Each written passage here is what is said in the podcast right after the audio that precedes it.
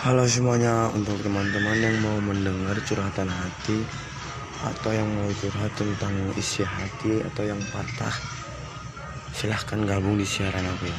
Aku tunggu di siaran aku.